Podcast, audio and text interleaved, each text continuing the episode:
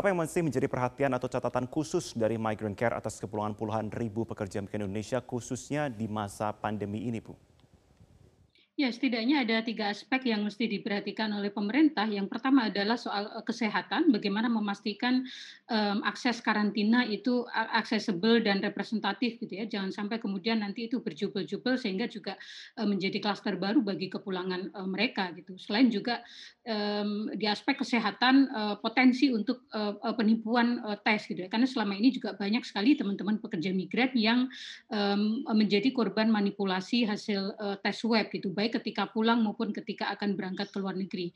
Yang kedua dari aspek ekonomi, mayoritas mereka itu kan kehilangan pekerjaan gitu. Sehingga bagaimana kemudian uh, nasib mereka ke depan bersama keluarganya. Karena uh, di di komunitas sosial kita uh, atau di di skema bantuan sosial pekerja migran itu tidak termasuk kelompok rentan yang mendapatkan bantuan sosial. Sementara mereka banyak yang pulang tidak bawa uang gitu ya karena sudah tidak terima gaji gitu. Sementara di Indonesia keluarga mereka juga banyak yang tidak bekerja gitu.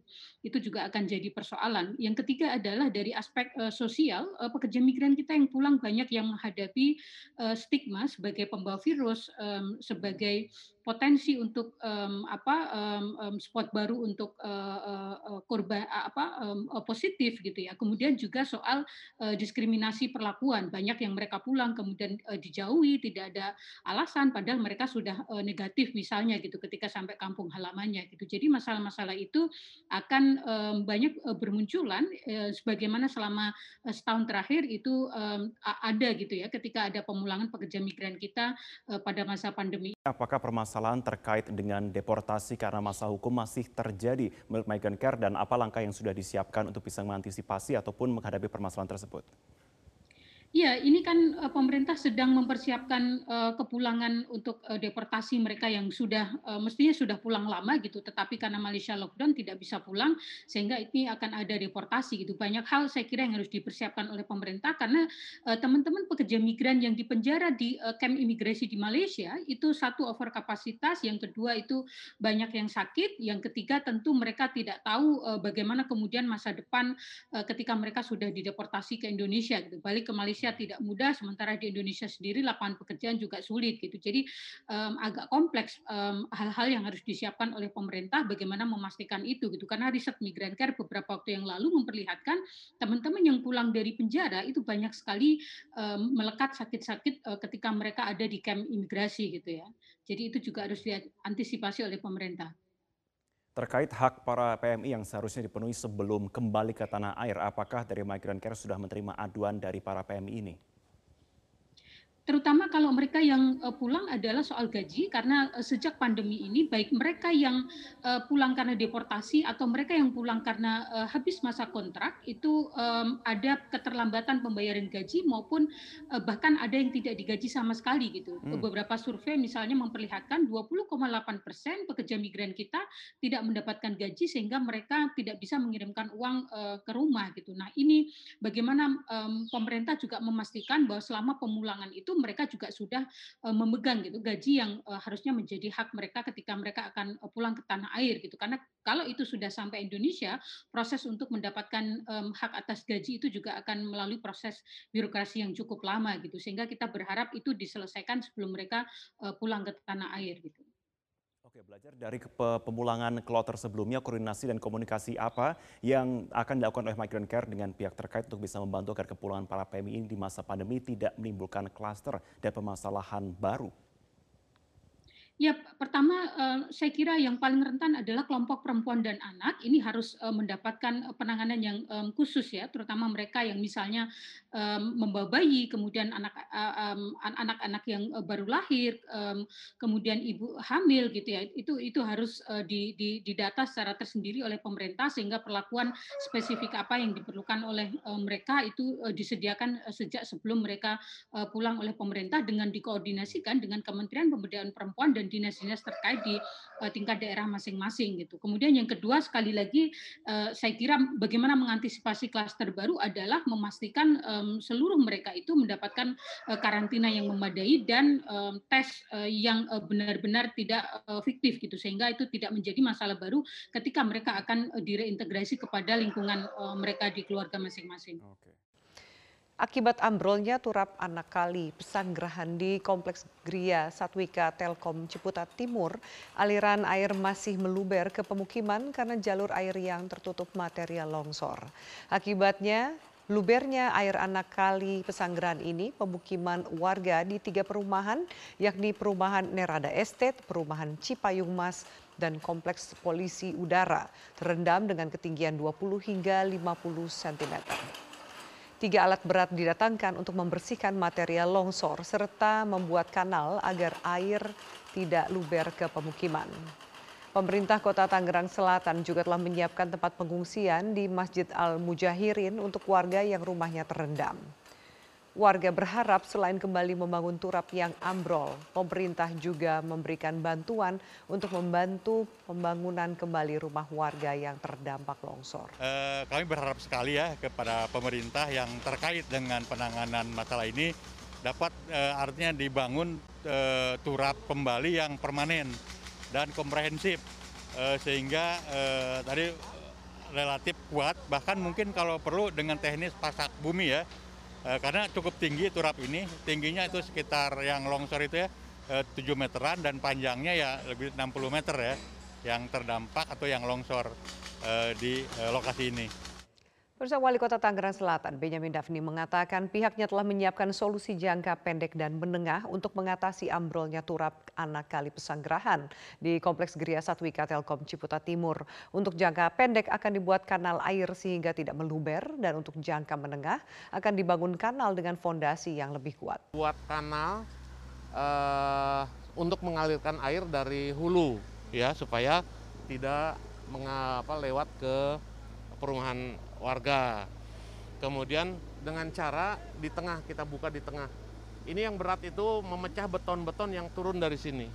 Karena betonnya ketebalannya bisa kita lihat hampir 1 meter 50 sampai 80 cm gitu kan. Terus kemudian volumenya juga kan sangat tinggi sekali.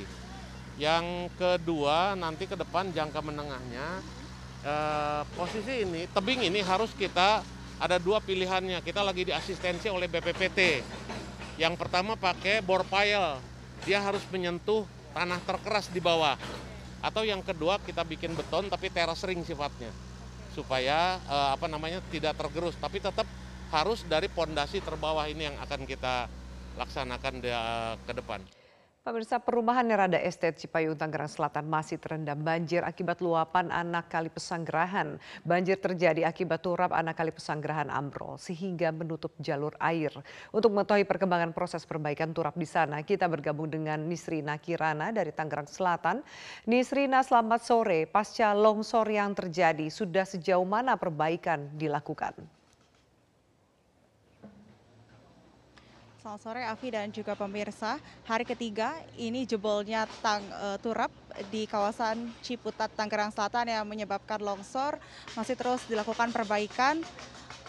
Dan terlihat di belakang saya proses untuk uh, pengangkatan material runtuhan ini dari jebol ini masih terus dilakukan dan untuk mempercepat proses evakuasi dari pihak pemerintah Kota Tangerang Selatan ini juga telah menurunkan sebanyak tiga alat eskavator atau uh, alat berat untuk nantinya dapat membantu proses perbaikan turap yang jebol tersebut. Dan diketahui juga dampak dari adanya turap yang jebol ini memper, uh, mengakibatkan aliran sungai dari eh, kali anak pesanggerahan tertutup dan kemudian menyebabkan uh, air ini kemudian meluap ke pemukiman warga yang berada di perumahan Rada Eset dan juga ada di perumahan polisi udara yang memang letaknya ini bersebelahan dengan lokasi longsor yang ada di perumahan Gria Satwika uh, Telkom.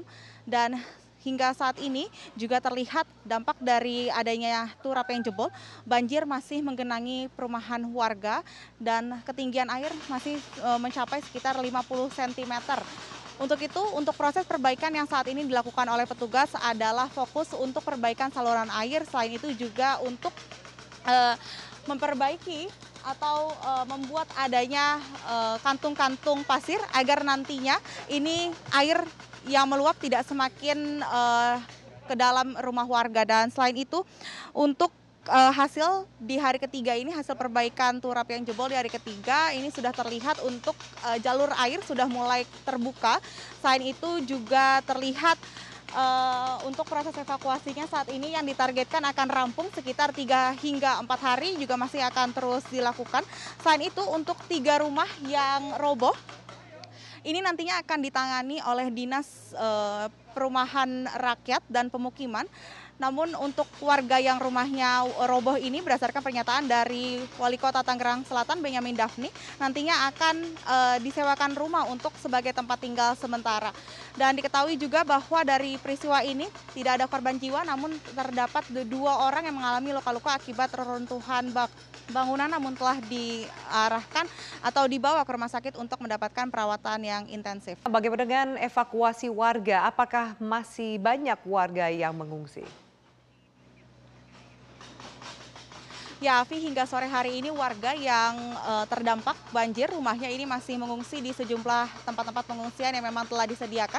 Salah satunya adalah di Masjid Al Mujahirin yang lokasinya ini berada di kompleks perubahan polisi, polisi udara dan data terakhir tercatat setidaknya ada sebanyak 50 kakak atau sekitar 200 uh, eh, warga yang mengungsi di lokasi tersebut dan untuk memenuhi kebutuhan sehari-hari warga yang terdampak dari pihak pemerintah Kota Tangerang Selatan melalui Dinas Sosial dan juga kecamatan ini telah membangun dapur umum sehingga untuk bantuan e, logistik berupa sembako ataupun e, bantuan lainnya ini telah disalurkan sejak kemarin dan selain di e, Masjid Al Mujahirin juga ada posko pengungsian lain yang letaknya ada di Wisma Uin.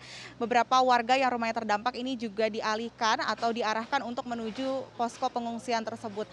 Saat ini warga terus berharap agar pemerintah dapat mempercepat penanganan dan perbaikan turap yang jebol saat ini agar aliran air ini dapat kembali normal dan tidak lagi meluap ke pemukiman warga. Penyekatan keluar masuk kendaraan masih terus dilakukan di akses utama Desa Sidodowo, Kecamatan Modo, Kabupaten Lamongan, Jawa Timur. Sejumlah petugas disiagakan di pintu masuk desa untuk memeriksa jika ada warga luar desa yang datang. Pihak desa juga menutup seluruh jalur alternatif untuk mengendalikan mobilitas warga yang beraktivitas di luar rumah. Kepala Desa Sidodowo Ali Mahrus mengatakan warganya yang meninggal dunia akibat COVID-19 bertambah satu orang sehingga total terdapat 15 orang yang meninggal dunia. Meski demikian, warga yang menjalani isolasi mandiri telah berkurang karena sebagian sudah dinyatakan sembuh. Pasca temuan COVID-19 varian baru yang masuk ke Kudus, Gubernur Ganjar Pranowo beserta dengan Dinas Kesehatan Provinsi Jawa Tengah langsung menginstruksikan pemeriksaan lebih luas. Ganjar pun mengunjungi Kudus dan menggelar pertemuan terbatas dengan Dinkes Provinsi Jateng dan pihak pihak dari Pemkap Kudus untuk menyiapkan langkah penanganan. Dinkes Provinsi Jawa Tengah mengambil sampel dari wilayah sekitar Kudus termasuk 11 kabupaten dan kota di Jawa Tengah yang masuk dalam zona merah.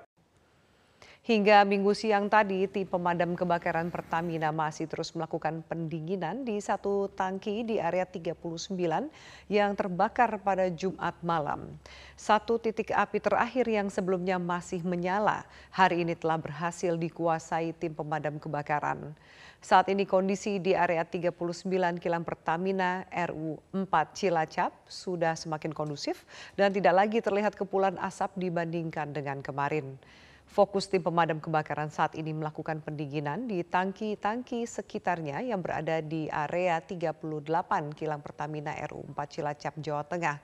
Satu tangki di area 39 merupakan tangki benzin sebagai bahan petrokimia hasil produksi di kilang RFCCC.